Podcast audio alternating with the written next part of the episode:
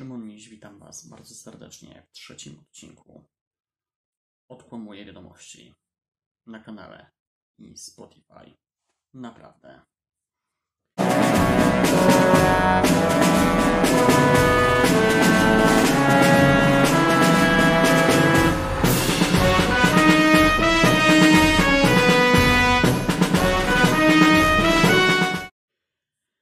Dzisiaj powiemy sobie o tym, jak Kreml zakłamuje rzeczywistość. A i tutaj lekka zmiana formatu. Pewnie zastanawiacie się, dlaczego mówię trzeci, skoro drugiego odcinka nie ma na serwerze. Otóż drugi odcinek póki co został stawiony jako prywatny. Nie jest nigdzie dostępny, ale po sytuacji wojennej wraca. Tak samo jak wróci stary format, którym będę komentował materiały programu wiadomości TVP. A teraz będę komentował różne fake newsy, różne kłamstwa, które publikuje i udostępnia Kreml, rosyjska propaganda oraz wszyscy ci, którzy na tę rosyjską propagandę pracują. Czy to z Polski, czy to z Rosji, czy z jakiegokolwiek innego państwa na świecie. Dzisiaj powiemy sobie o pięciu tematach, które już zresztą poruszyłem w moim ostatnim artykule, który możecie zobaczyć na stronie naprawdę.blog. Pierwszym artykułem, pierwszym tematem jest brak paliwa na polskich stacjach benzynowych. Otóż to jest oczywiście nieprawda. Jak już wspominałem wcześniej w artykule, nie jest to prawdą. Owszem, są problemy w dostawach paliwa teraz, ponieważ ludzie rzucili się, tak jak przypadku fali covidowej, do stacji benzynowych, tak wtedy do sklepów, tak teraz do stacji benzynowych, wykupując paliwo właśnie przed strachem, dlatego że myśleli, że 100% polskiego paliwa pochodzi z Rosji. To jest oczywiście nieprawdą. Tego paliwa jest róż... według różnych szacunków od 30 do 50%. Resztę ściągamy ze Stanów Zjednoczonych, z Australii i z krajów arabskich.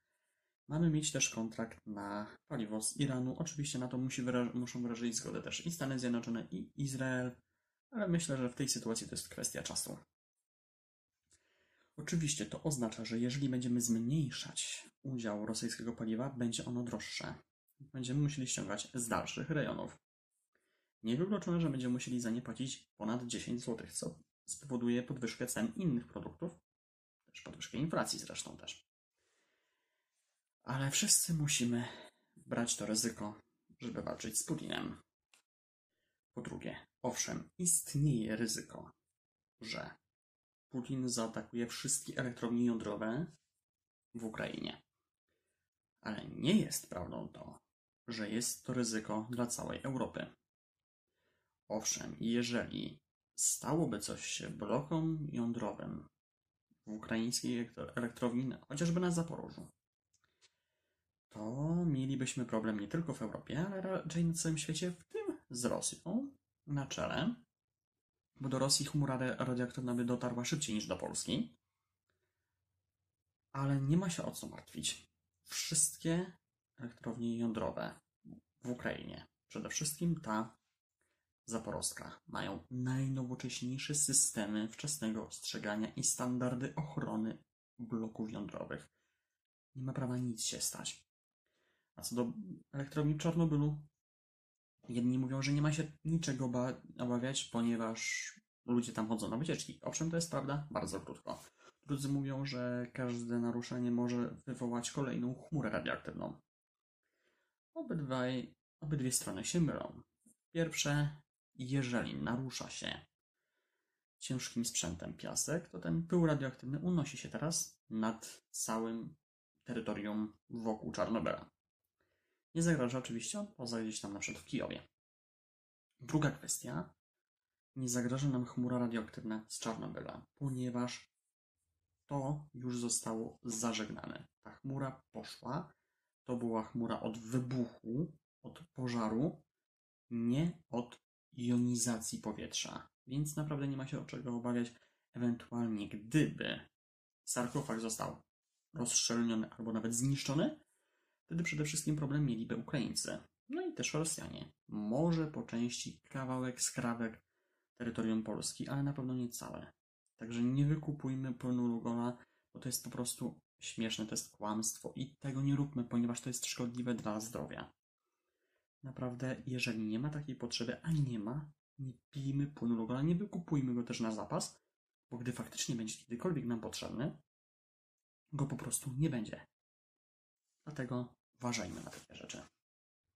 No i teraz zaczniemy ostrą jazdę bez trzymanki. Według wszelkich informacji kremlowskich do Polski nie trafiają Ukraińcy. Do Polski trafiają wyłącznie uchodźcy z białoruskiej granicy, czyli Irańczycy, Hindusi, Syryjczycy i inne państwa zagrożone wojną w innych częściach świata niż Ukraina.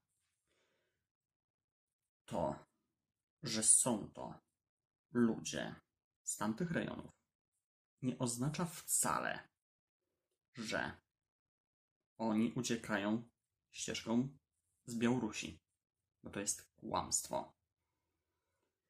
Po prostu, po prostu nie ma to, pra, nie ma w tym ziarna prawdy. Ci ludzie, którzy tam są, to są po prostu studenci z miast ukraińskich typu Charków, Lwów, Kijów. Oni tam studiują, pracują, mają pieniądze.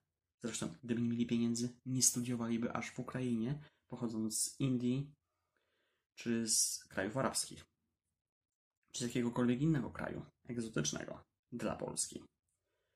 I ci ludzie nie mają ani myśli gwałcić, nie mają ani myśli kraść, bo oni mają i pieniądze, i kobiety, i wszystko. Oni tu po prostu przylatują, przyjeżdżają po to, żeby wsiąść w samolot w Warszawie, czy w Lublinie, czy w Poznaniu, czy w Gdańsku, wylecieć i wrócić do siebie. Nic więcej. I te wszelkie kłamstwa o gwałtach w przemyśle to są po prostu wierutne kłamstwa wymyślone przez rosyjską propagandę, sterowaną z Polski. Niestety. Także uważajmy na takie informacje, ponieważ Naprawdę nie możemy teraz walczyć i bać się uchodźców. Czwarty punkt to wymysł Putina na to, jak zaatakować Ukrainę. Czyli coś takiego jak radiostacja Gliwicka przy ataku III Rzeszy na Polskę. Otóż Putin mówi, że Ukraińcy to są neonaziści, czasem mówi, że to są Żydzi, którzy nam, którzy nam zagrażają, nam w domyśle Rosji i zresztą Europie też. I on tylko broni rosyjską ludność na terenach Ukrainy. I chce demilitaryzacji i denazyfikacji Ukrainy. Czym jest denazyfikacja? Bo demilitaryzacja chyba wszyscy wiemy. Usunięcie wszelkiej broni z terytorium Ukrainy. Denazyfikacja to jest od nazizmu, czyli usunięcie nazizmu z tego państwa. W domyśle także denazyfikacja po polsku też może oznaczać po prostu wszelkie wyruganie, usunięcie wszelkich ukraińskich państwowości, ukraińskiego narodo, no, ukraińskiej narodowości.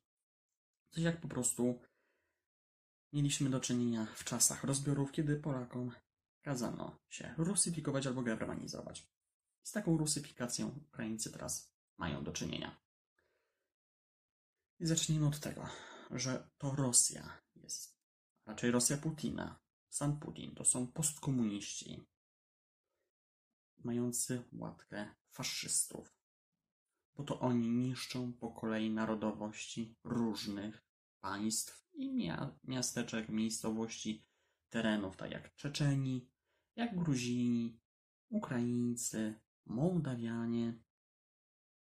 Naprawdę to jest zagrożenie i tak naprawdę faszystami są Rosjanie na czele z Władimirem Putinem. I wreszcie ostatnie, czyli to, że głównie uchodźcy z Ukrainy uciekają do Rosji i tak naprawdę witają Rosjan z otwartymi ramionami w Ukrainie, bawią się, tańczą, niczym Polska w 1945 roku witając Armię Czerwoną. To jest guzik, prawda, ponieważ kobiety w Ukrainie są gwałcone, zabijane, dzieci są mordowane, Mamy dzieciobójstwo, ludobójstwo. a to Rosjanie uciekają w stronę Finlandii, chociażby z Sankt Petersburga do Helsinek, przed propagandą i represjami z Rosji Putina. To jest prawda. A ja dziękuję Wam za dzisiaj. To jest testowy format. Zgod- yy, odkłamuję wiadomości.